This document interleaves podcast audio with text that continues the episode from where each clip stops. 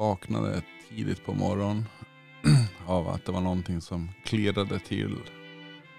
Och jag satte mig upp i sängen och kände att det luktar rök och jag hör ett svagt dån som i hela huset.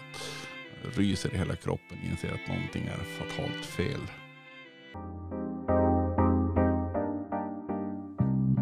Idag kommer du få lyssna till mångsysslaren som gillar hyss. Han är konstant fartblind, social och omtänksam och han backar aldrig för något orätt. Peter Eriksson är inte bara kranförare, familjehemshjälte och entreprenör. Han har även räddat sina barn ut ur ett övertänt hus. Ja, en meteorit i fickan och eh, kranförare som sitter och kör grejer. Du, det här sista uppdraget du hade nu, det var ju verkligen, vad ska man säga, det var så precisionsgrejer som du skulle hålla på med. Ja det kan man säga.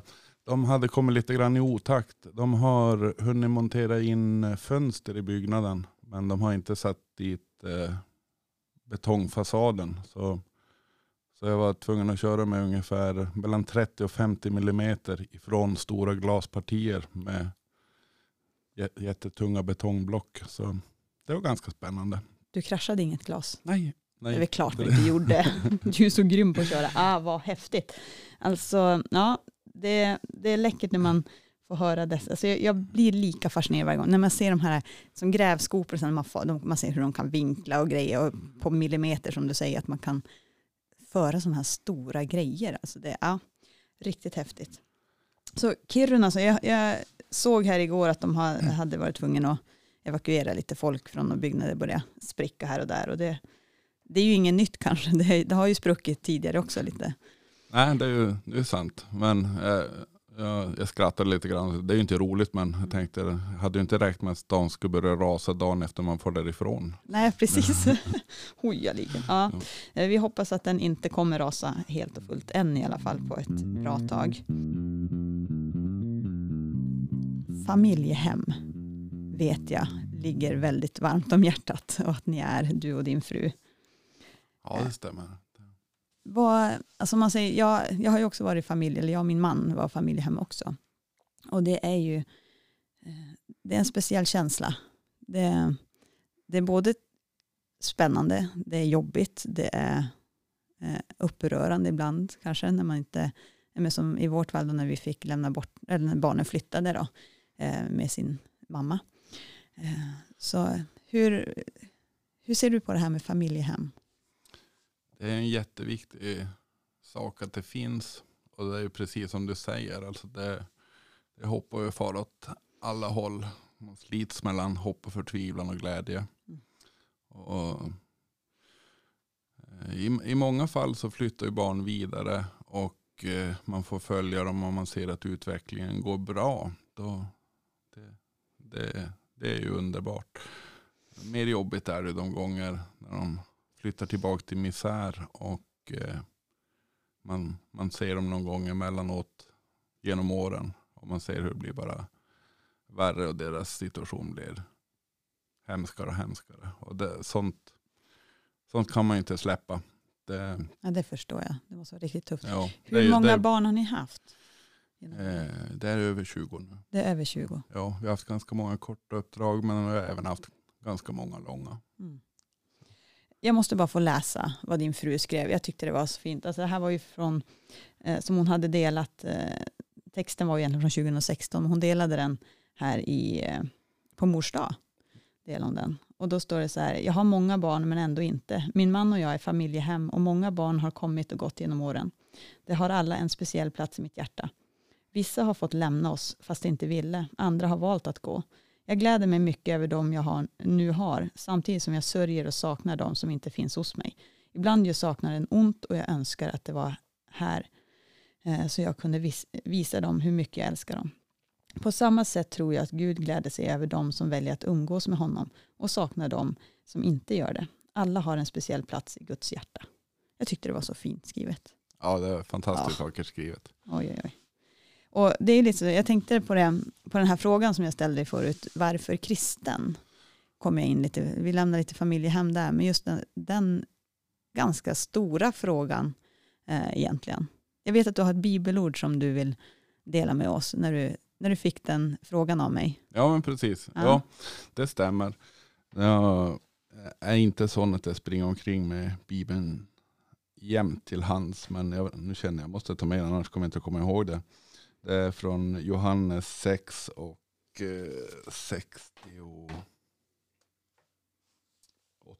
Sex, eh, 6 och 68, det är Petrus som säger det. Jesus ställer frågan då när alla andra har lämnat han där just efter ett matunder. Och de har haft en lång dag och alla går därifrån. Och då säger Jesus till lärjungarna, ska inte ni också gå iväg? Och Petrus svarar, Herre var, var skulle vi gå? Det är du som är livets väg. Och så känner jag spontant i det, det är som en, en liten stöttepelare som man brukar falla tillbaka på. Det, är- det är inte alltid lätt och så men det är alltid den bästa vägen. Mm. Och, och det är som jag menar, vi är ju inte perfekta, någon av oss. Eh, även om man kanske tror det ibland. Men så är det ju.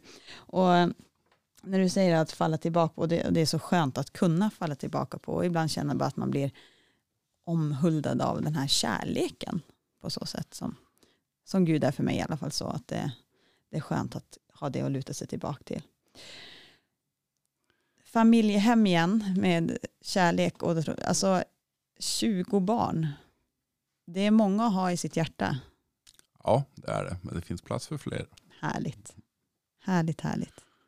Och hur, hur började det? N- när, vilket år ungefär tog ni ert första uppdrag? Eh, vi kom hem från USA, vi bodde i USA några år. När vi kom hem eh, 2001 så anmälde vi oss ganska fort eh, som kontaktfamilj. Det kan man säga lite grann. Det är en inkör, inkörningsport. Och då var det eh, Eh, två tvillingtjejer som då var sju år gamla. Som började komma och vara hos oss ungefär varannan helg. Och de har vi kontakt med än idag. De är ju fullvuxna nu. Så sånt är underbart. Men det var, det var som inkörningsporten till det hela. Och sen då mm, ett par år senare så flyttade ju Linus till oss. Eh, och då nästan just under fyra år. Och han är nu 17 då. Men han fick ju så småningom adoptera. Så, så han, eh, men det är det många andra som har kommit och gått genom åren. Och, och så. Det, Jag tänker vilken rikedom även för Linus att få ha så många alltså, runt omkring sig också som, ja, nej så. som man kanske både får brottas med men Jo, men alltså. hur gammal är han nu förresten? 17 år. Han är 17, sa du? 17 Ja. år är han nu. Oj, oj, oj. Tiden går fort. Ja, den gör ju det. Den gör ju det. Ja, vi, vi kommer gå in på lite andra grejer här också, men familjehem, jag tänker här, hur, om någon nu skulle vara där ute och vara intresserad att bli familj, hur gör man? Vart, vart vänder man sig? Eh, Man kan alltid vända sig till de olika socialförvaltningarna. De står med öppna armar i det fallet. Det är stor brist på familjehem och kontaktfamiljer.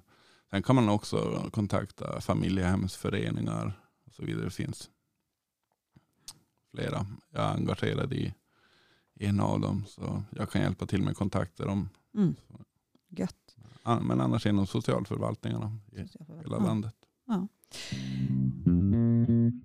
Den är ganska tung den här lilla biten. 93 procent järn i den. 93 procent järn. Ja, man känner alltså liten, liten, vad kan det vara? Två och en halv gånger två och en halv centimeter ungefär.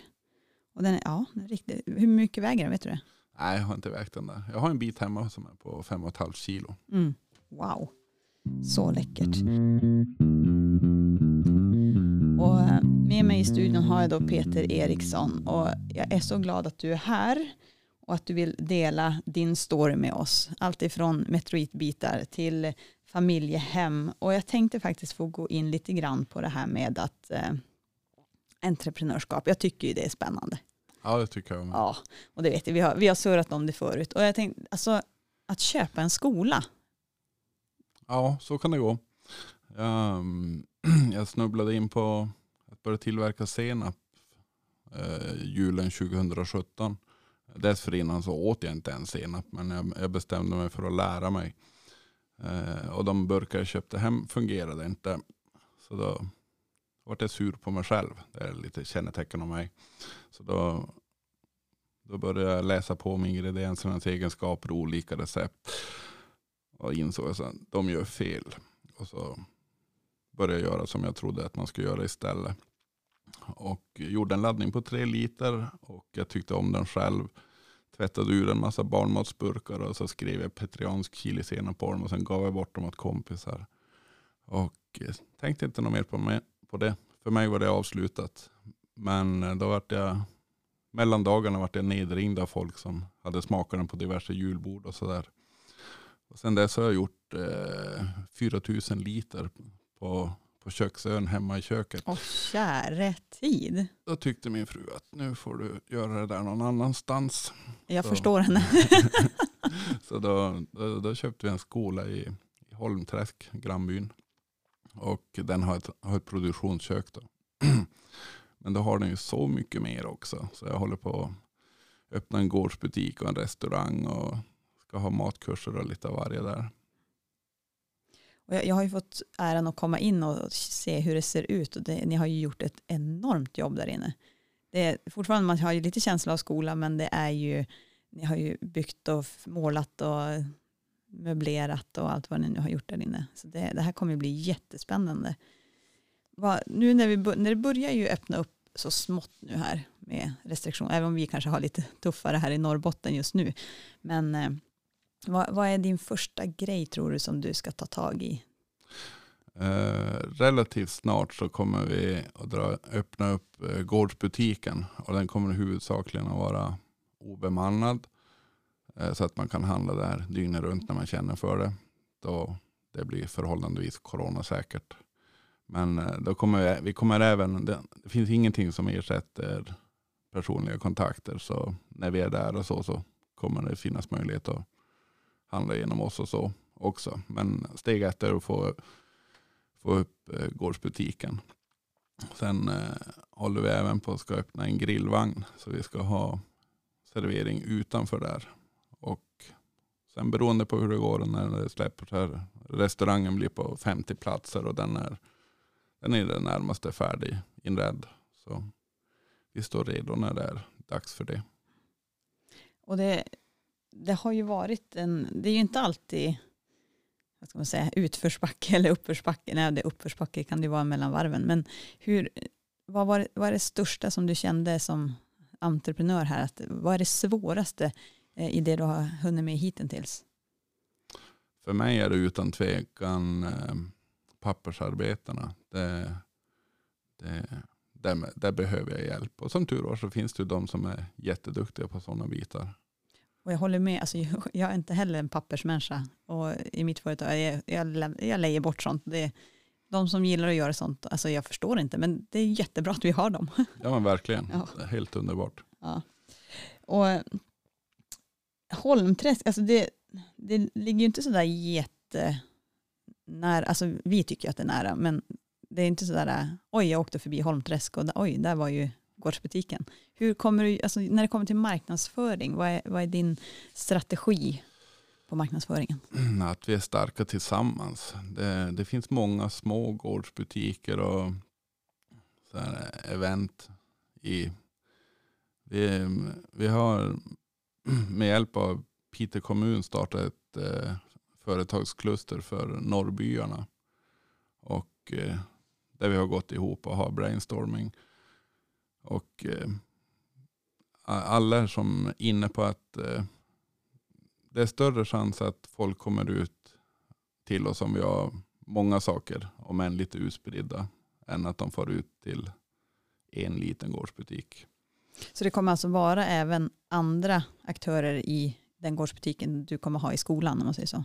Ja det, det tror jag också. Men, eh, men det jag tänkte på var att vi har ju exempelvis Gösgården i Skjulsmark och nu håller de på att öppna upp i en ny ägare på herrgården i Rosfors. Och eh, det finns lite olika andra aktörer. Så vi tror att folk kommer att ta en hel dag och fara ut på landet och titta på olika gårdsbutiker och evenemang som finns. Men det är, alltså, det är riktigt mysigt att åka runt i gårdsbutiker. Jag har, jag har börjat uppskatta det faktiskt. Jag har inte gjort det förr, men nu, nu tycker jag det är riktigt. Man nästan letar efter dem, för det, ja, det, det är läckert. Den här dagen för tio år sedan. Eh, det är ju så att det hände ju en sak då. Ja, det skulle man kunna säga. 8 maj. Eh, vaknade tidigt på morgonen av att det var någonting som klirrade till. Och jag satte mig upp i sängen och känner att det luktar rök och jag hör ett svagt dån som i hela huset. Ryser i hela kroppen, inser att någonting är fatalt fel. Automatiskt springer jag i full karriär över till, till barnens sovrum. Det var på övervåningen det här. Och två barn de hade bott hos oss i, i tre veckor när det här hände. De var två och tre år gamla. Eh, jag ser att Linus dörr är stängd, vilket är ett mirakel i sig. Han hade alltid dörren lite på glänt för att se hallampan. Men, men den här kvällen innan hade jag stängt dörren för att eh, småbarnen var ledsna när jag skulle söva dem. Nåväl, i alla fall jag springer in i deras sovrum och tar åt mig pojken som ligger närmast och springer ner för trappen och ställer ner den på, på gården. Och så hostar ur mig och får i mig luft och så springer jag in igen. Och på den korta stunden så har det blivit ännu varmare där inne. Alltså jag känner hur skinnet drar ihop sig på benen. Jag hade bara underkläder på mig. Men jag kommer i alla fall upp och får med mig lilltjejen, två år gammal. Och springer ner. Och eh, precis när jag ställer ner henne och ser på henne så säger du måste stå helt still. Så då hör jag hur det klirrar till utifrån. Och då förstår jag ju att eh, nu är det som brunnit igenom så nu får, nu får elden sån fart i det här. Alltså, eh, syre utifrån då. Så jag springer in igen och då på vägen upp så, så inser jag att det kommer aldrig att tas ner för trappen igen. Och springer in på Linus rum och slår igen dörren efter mig. Ser, ser, ser där han ligger. Han, han, är rätt god. Alltså. Han låg med ett leende på läpparna i sömnen alltså. Och, och jag tänker det gosse om du visste vad det är mitt i ungefär. Jag känner hur det hettar under fötterna för att det brinner ju under. Då. Och jag tänker så, vi måste kasta oss ut genom fönstret. Och vid det laget så ser jag knappt någonting för det har satt igen ögonen. Men jag lyckas se att det är helt svart där utanför. Det brinner utanför fönstret. Så jag bara, äh, alltså vi måste ta oss ner igen samma väg. Så sticker in handen under Linus och humpar till. Så här, världens adrenalinkick. jag humpar honom så han landar på axeln. Och så sätter jag fart neråt. Ut ur rummet genom nerför trappen och lyckas ta oss ut. Och helt ja, mirakulöst. Det är ju ett ord men det kan inte säga annat. Och när jag kommer ut så småbarnen står kvar så puttar jag dem framför mig så här. Så skynda, skynda, skynda. Mm. Och sen när vi kommer till tomtgränsen alltså högt räknat 40 sekunder senare. Då blir det en sån här världens rökgasexplosion. Slog ut varenda fönster och, och dörr på hela huset. Och så var allting övertänt. Alltså bara, gisses, det där var nära. En grej du kanske tänker på är det här att jag, jag får hålla tillbaka för att inte nämna dem vid namn. Det är för att de är familjehemsplacerade. Sådana grejer får man tänka lite grann. Mm. Alltså, alltså jag får gåshud alltså när du berättar denna story. Änglavakt är ju det jag skulle vilja säga. Det är ju vilken hjälteinsats samtidigt som man känner att det var, men som du säger, det är mirakulöst att ni tog er ut ur ett sådant övertänt hus. Eh, vad, alltså där och då, jag, jag märker du bara agerade. Ja, så är det ju. Och, eh, sen när man sitter, jag har ju aldrig varit med om en sån brand, jag har varit med om en, liksom, det, det small till i pannan hemma i barndomshemmet liksom så, eh, och då blev det rökfyllt, alltså någon, något sånt i vedpannan. Men, och det är väl, huset liksom hoppade till, men det är väl närmast, men man brukar ju som tänka, åh det här vill jag ta med och det här vill jag ta med, men här är det ju bara överleva som gäller. Ja. Och efteråt, har ni haft, alltså, jag tänker på de här barnen då, har det varit liksom Eh, hur länge var de hos er efter det här hände? Eh, de var hos oss i två och ett halvt år efter det. De är två av de här som tyvärr hamnade i en väldigt hemsk misär efteråt. Det är fruktansvärt. Mm. Men hur, hur, hur gör man sådana här gånger med barn när det kommer till alltså, traumatisering? Alltså just av, eh, hur, hur, vad fick ni för hjälp efter den här händelsen? Um, ja, men nog fanns det hjälp att få. Men det, delvis så insåg man det inte riktigt. Jag var inlagd på sjukhus. Jag fick en cyanidförgiftning och eh, det slog ut ögonen ganska ordentligt. Och det var typ fruktansvärt turbulent. Det sprutade bara journalister och grejer på sjukhuset sen. Det, jag, jag fattade ju ingenting. Då, de ringde och ville att man skulle komma ner till tv-soffor och allt möjligt. Hade inte så hög prioritet just då. Det förstår jag. Men eh, jag var med i några intervjuer på radio och så här, men fick någon utmärkelse. För sett med, sett med lite perspektiv så tyckte jag ändå att det, eh, det fanns positiva grejer man kunde göra av det. Alltså jag kan inte säga att det kanske lever som en lär 100% ut, men eh, någonting vi verkligen hade behövt i det där huset, det var brandvarnare som talade med varandra. Alltså som, så om en larmar nere på nedervåningen att det även börjar skjuta på övervåningen. Då hade vi aldrig hamnat i den situationen. Så det är någonting jag varmt brukar rekommendera folk att skaffa. Brandvarnare som kopplar ihop sig med varandra. Det är en väldigt viktig sak. Vilken otrolig fokus du hade att liksom rädda barnen. Eh, din fru var inte hemma just då och kanske än mindre att rädda i den situationen som du var i. Ja, det är evigt tacksam att hon inte var med just då. För eh, vad det gäller sådana grejer är vi väldigt olika. Jag vet att jag fungerar i ett sådant läge. Det går bara på, på automatik. Och det var alldeles fullt tillräckligt att, att få ut tre därifrån.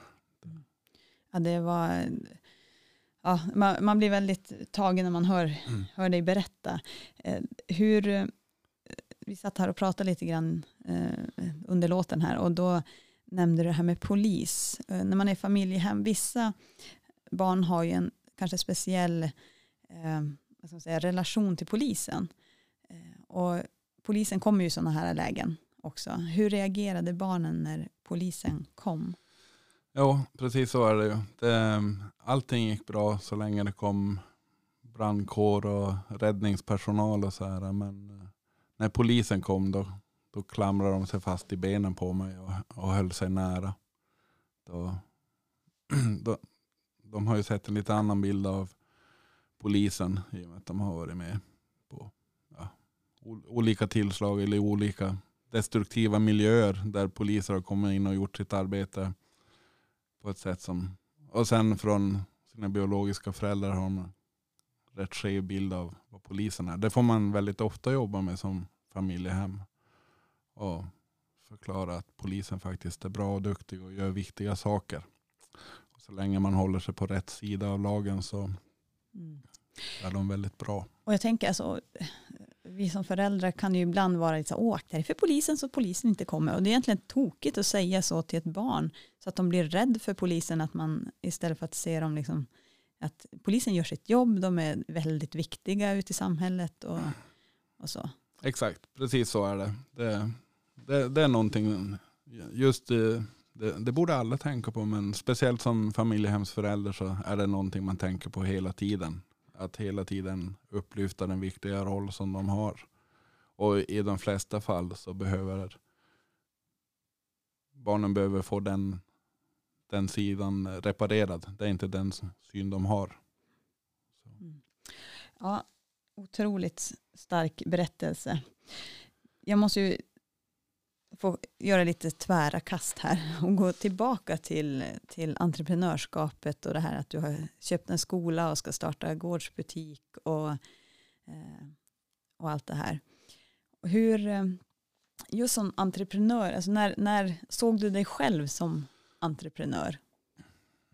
Jag har nog alltid varit ganska företagsam, även som relativt liten. Eh, och det där har följt mig genom åren. Jag har alltid gillat att göra affärer. Det har främst rört sig om saker som jag har varit intresserad av. Min fru tog mig på bar gärning vid ett tillfälle. Jag hade köpt 300 par stövlar. Och det, det luktade gummi i hela huset. Och min fru suckade och tittade på mig. Sen säger hon, Peter, sen när vart du intresserad av stövlar? Ungefär där föll polletten ner. Att, ja, det är nog inte bara intresse som gäller längre. Men huvudsakligen är det saker som vi är intresserade av som jag säljer. Men i samband med det här med att jag började tillverka senap och så, så insåg jag som att det här är någon affärsidé som håller. Så efter det har jag varit med gick någon starta eget kurs och jag har varit med i olika företagsinkubatorer, Go Business och Arctic Business Incubator. Så far på alla möjliga företags företagsevenemang som jag bara hinner och kan. Och det är otroligt lärorikt och inspirerande. Man träffar ju så många andra entreprenörer med samma anda. Ja men precis. Ja, det, det var som en liten ny värld när man gick in den vägen. Mm. Och det, det har varit jättegivande för mig. Jag har ju fått testa din senap och den är ju, jag måste, den är fantastisk. Så, hörni, eh, vad, vad heter ditt eh, varumärke om man säger så? Baronselets gourmetprodukter. Det är gårdsnamnet där, där vi bor då utanför Rosfors. Och eh, den här skolan den heter Arctic Old School. Så de, de företagen jobbar tillsammans. Arctic Old School de kommer att hålla i evenemangen och restaurangdelen. Men jag kommer att producera under namnet då Baronselets gourmetprodukter. Mm. Och eh, kommer du ha försäljning på nätet? Ja, då. Jo, det är en grej jag måste lära mig, men det ska till. Mm, ja, men det är bra. Man, ja. det, det, man inte kan, det får man lära sig. Ja, men exakt. Ska man ha något som man aldrig haft måste man göra något som man aldrig gjort, som jag brukar säga. Ja, men precis. Det är väl inte jag som har kommit på det, myntat det uttrycket, men det, det är väldigt bra. Och det brukar jag anamma. Jag tänkte på det när jag, för häromdagen så jag fick laga en skurmaskin. Aldrig gjort det i hela mitt liv, ingen aning hur sådana funkar. Men den var, ja, ibland måste man bara ta sig tag, ta tag i saker och lära sig dem. Det behövdes. Ja, ja men det är ju sådär. Eh, så senap och stövlar och lite event. Vad mer står på agendan? Ja, stövlar är ett avslutat kapitel, okay, det var länge sedan. Men ehm, jag brinner för eh, slöjdprodukter. Ah, det, slöjdar du själv? Ja, i mån av tid. Jag har hållit på en del med knivslöjd och smide och sådär. Men eh, som det är nu så det är en av de grejer jag samlar på. men, men tanken är att sälja slöjd i butiken när jag får mm. upp den. Jag har för mig att jag har sett någonstans i flödet att det kom upp någon sån här med någon, alltså typ VVS-rör, ljusstakar. Var det du som hade gjort dem? Nej, den, Nej, de, de har... den fick jag av min fru. Ah, det jag tänkte ja. att du kanske hade ja. Nej men det, det är sådana grejer som jag hade mycket, mycket väl kunnat ha gjort den, men just den fick jag. Mm. Och, det är en form av kall, kallsmide. Den, men den var läcker. Ser ut som uppfinnare Jockes medhjälpare han brukar ha på axeln. Just det. Just det. Ja, med lampa som huvud. Ja, det, det, det är intressant med, med det. Och jag tänkte ju på det här när du pratade om gårdsbutiken och Arctic Old School. Eh, hur, eh, det här med mässor, alltså jag tror vi människor vi, vi saknar ju mycket det här med julmarknad och mässor och allt möjligt. Hur, eh, vad tror du? Om, du, om vi försöker se in i framtiden här lite grann, hur kommer det släppas att vi kan börja ha kanske lite mini, miniformat på mässor? Ja, men det hoppas jag verkligen. Det, uh, det är frågan vad det nya normala blir. Jag tror ju aldrig det kommer att bli som det har varit. Men, eh, men jag hoppas att vi är redo för att öppna upp här under ja, hösten och vintern. Jag menar, det, det vore underbart att få. Jag, jag ser fram emot att kunna ha olika typer av ma mässor, marknader och event. Och vi har ju jättefina lokaler för det. Men det, för det jag tänker som senap då, jag menar, man har ju sett att det har varit mycket digitala mässor. Och, och det är ju väldigt svårt att få den här smakupplevelsen när det kommer då till, till, till det digitala. Jag förstår alltså om man ska visa produkter och så vidare, man kanske kan bygga varumärket till en viss del digitalt. Eh, man kan ju liksom föra ut namnet om inte annat så, men, men det är ju den här smakupplevelsen. Jag vet som uppe på Jokkmokks marknad, det bästa tycker jag är matmarknaden, man får ja. gå och smaka på allting. Det ja, men precis. Ja, det vore nästan tortyr att, för, att, ha, att ha på nätet. Eller hur? Åh, den Vi- här vi är god. den. Ni, ni ska bara veta hur god den är. Ja, det, blir, det, det är nog ganska tufft att göra en sån grej. Nej, vi, köpte den där, vi köpte den nere i Ängelholm. Så det var en hyfsat lärorik resa att ta sig hem. Då fuskade vi. Vi köpte ett tankkort för 400 kronor. Och för de där 400 kronorna fick jag tanka bilen så många gånger vi ville i en månad. Det, kän, Oj. det kändes overkligt. Har de kvar sådana grejer? Jajamän, det finns kvar. Det? Det, det, måste du lära mig mer om sen. ja. Va? Gripande, Ja. ja. vad häftigt. Men eh, annars, eh, när man laddar och tankar hemma så blir det ju en kostnad på ungefär två kronor per mil. Mellan 1,50 och 2 kronor per mil. Då hade inte jag gjort en sån dålig uträkning. För jag, nu när vi testade så jag la mig där runt två kronor. ja. Och många köpcenter de har ju gratis laddning för att locka kunder. Så många har till och med snabbladdare. Vi behöver kanske inte nämna vilka. Men eh, det, Finns det, det finns tillräckligt. eh. Jag har aldrig kört bil så billigt som jag gör nu. Nej. Och sen, jag såg, min man försökte lära mig det, men det, det fanns ju en, en hemsida man kunde gå in och liksom planera sin rutt och vart beroende på. För jag, jag kommer ju köra ganska mycket efter kusten och kanske in inlandet och lite upp till Kiruna och lite sådär. Mm. Och då kan man ju verkligen planera. Okej, jag stannar i Skellefteå, tankar, snabbtankar i tio, eh, ta, tankar, laddar i tio minuter och sen så kör jag ner till Övik och så laddar jag där. Det, säger man, det tar ett tag innan rutinen Ja, kommer in men och det säger är en form av tankning så det är Ja, ingen ja. fel med det. eh, och så, så vidare. Så man kan ju verkligen planera sin rutt så. Mm. Det gäller bara att hitta de här ställena, men det, det finns ju på kartan då där. Men Ja, jag, jag är lite bortskämd. Alltså, när man har kört dieselbil så länge så är det så här, men jag behöver ju aldrig tänka. Jag kör ju bara, oj, nu måste jag tanka. Puff, så finns det ju en bensinmack. Liksom. ja, men jag menar så är det ju för mig också. Jag menar, vi, vi har ju kvar någon fossil också. Så jag menar, den jag har nu är Nissan. Mm. Eh, den har jag kört upp, upp till Kiruna och tillbaka. Jag menar, jag tankar den när jag far hemifrån. Jag behöver inte tanka den förrän jag kommer hem igen. Det är 80 mil. Mm. Det är man inte bortskämd med när man kör elbil. Det, Ja, det kan jag tänka. Det, man kör det- inte 80 mil på. Nej, Men har du, har du testat? För jag, är lite, jag gillar att testa. Har du testat och se hur långt kommer du på en laddning? Ja, vi har, vi har, vi har, vi har fått eh, bränslestopp en gång, 400 meter ifrån en stolpe. Det var Nej. ganska pinsamt. Åh, vad jobbigt. Vad gjorde du då? Ja, nej, vi var tvungna att bärga den dit. Det, 400 meter! Oh! ja, det var något pinsamt. Men det, en gång är ingen gång. Nej, precis. Två gånger en gång för mycket som min pappa Ja. brukar säga. Alltså, ja, 400 meter från en laddstolpe. Det, det, ja, Ja, det var brutalt pinsamt. ja, det, det förstår jag. Alltså, jag tänkte en gång, det, det påminner mig om när jag körde upp med min man. Han, vi hade hämtat hans flyttlass nere från Karlstad och vi ska upp till Jokkmokk. Och kom, jag tänkte, nej men nog klart, så ser man ju ungefär hur långt jag ska ta mig på bränslet. Och så tänker jag, vi var någonstans i Sundsvall, nej men vi tar oss till Umeå. Men grejen är att det är ganska mycket backar mellan Sundsvall och Umeå. Eh, lite upp och ner och Ja. ja, sådär. Så att eh, det, det gick ju rejält med soppa.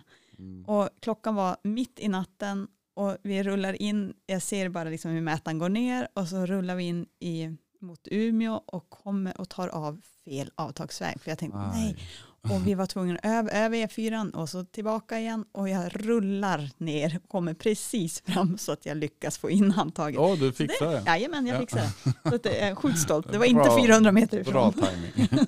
Riktigt bra. Ibland ska man ha tur med tajmingen också. Ja, men så du, vi pratade lite grann om, om eh, Tesla här också. Du hade Ja. ett litet tips där att om man köper en Tesla så ska man köpa vilken årsmodell då? Ja, om du köper en eh, modell S eh, eller X som är äldre än april 2017 så har de fri laddning bilens livslängd ut. Wow. Och det är ganska unikt. Så en, det- en, en sån står högt på villhöverlistan för oss. Ja, men det förstår jag. Det är ganska dels mycket det pengar ju ändå.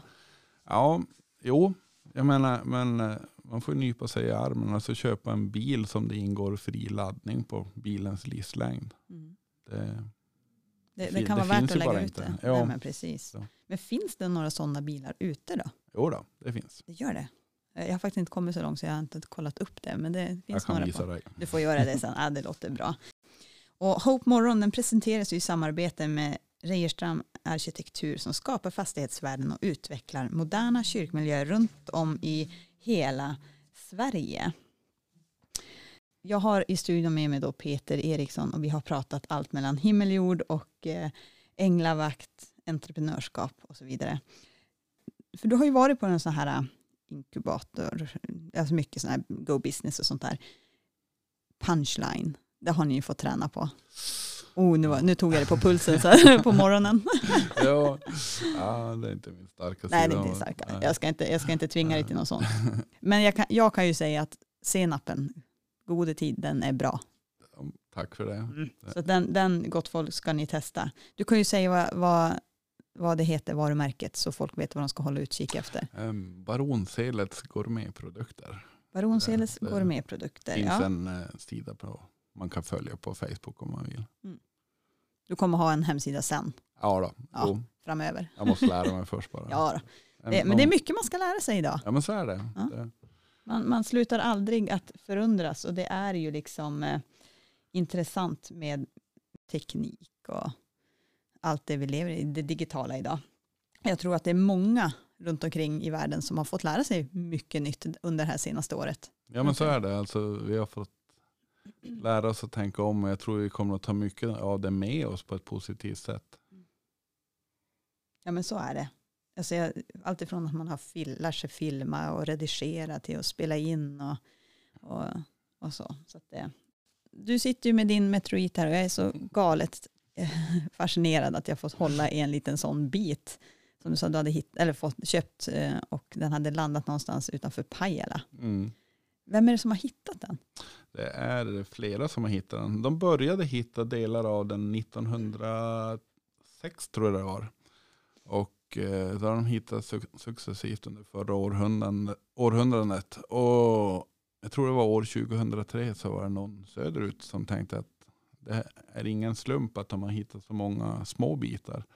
Så han bestämde sig för att fara ut och söka. Och då hittade de en eh, huvud, huvudnedslaget i en myr utanför Pajala. Och den biten som de hittade var, vägde 1200 kilo. Och sen har de då hittat massor med mindre bitar. Och jag har en som är helt orörd som är på 5,5 kilo. Mm. Och sen har jag massa sådana här små bitar.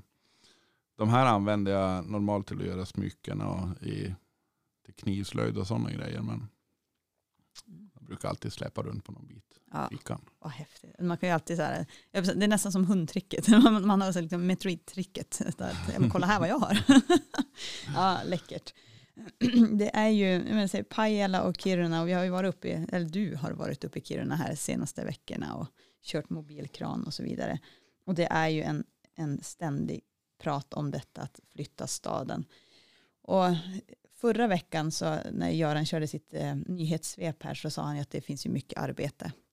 Och det kan du inte annat än hålla med om, eller hur? Nej men så är det. Alltså, det är otroligt mycket arbete. Alltså inte bara i Kiruna utan hela norr och Västerbotten. Alltså, det är ju så, jag tror aldrig det har varit så mycket projekt som det är nu. Alltså, det är ju bara att hoppa på. Ja. Kom upp till norr. Vi har mycket natur, mycket mygg och mycket arbete just nu. Ja, jag, hör, jag hörde en siffra de, de räknar med att vi behöver 100 000 norrbottningar till. Så. Oj, då blir vi typ 300 000 då här uppe. Ja. Då börjar det bli lite tajt med det här med att hålla avståndet. Ja, vi är tydligen inte nog bra på det här uppe, vad vi har förstått på smittskyddsläkaren Anders heter han va? Mm. Eh, och eh, ja, vi får väl se hur, hur vi lyckas här framöver att ta oss till eh, ta, ta till oss det med att hålla avstånd. Jag är jätteglad att du har varit med mig den här morgonen och, ja, och delat din story. Ja, tacksam att du har fått vara med. Det var jättekul. Ja, det var en ynnest. Det var, alltså, det var så coolt att få höra. Och jag vet att jag har, jag, jag satt ju och googlade lite grann om, om händelsen för tio år sedan och att du fick utmärkelse. Vad var det för utmärkelse du fick? Eh, rådigt ingripande var det genom räddningstjänsten i Luleå. Rådigt ingripande. Mm. Det var det verkligen. Har du någon, något sånt här tips till de som sitter och funderar på ska jag, ska jag inte? Vad, vad, vad skulle du säga till den personen som funderar att eh, kommer det här kommer den här idén att hålla? Eh, att inte vänta ute. Man, vi, vi svenskar är hopplösa på att eh, förbereda oss. Alltså vi, vi, vi hittar på alla möjliga anledningar för att skjuta på saker och ting. Då skulle jag vilja säga att det är bättre att börja och sen lära sig under resans gång istället. Det, det är nog det bästa man kan göra. Mm. Och var inte rädd för att börja satsa på det. Det är bara att ta steget. Ja. ja. Man kan misslyckas och man kan lyckas. Det är ju det är bara så. Tack än en gång. Du som lyssnar, du har lyssnat på Hope Morgon och eh, Kristina Lund heter jag. 3 juni 2021. Det är varmt ute och det verkar bli ännu varmare här uppe i norr idag än vad de har nere i södra Sverige. Så mygg har vi gott om, skog har vi gott om. Just nu tyvärr har vi gott om covid, vilket vi hoppas på kommer lägga sig.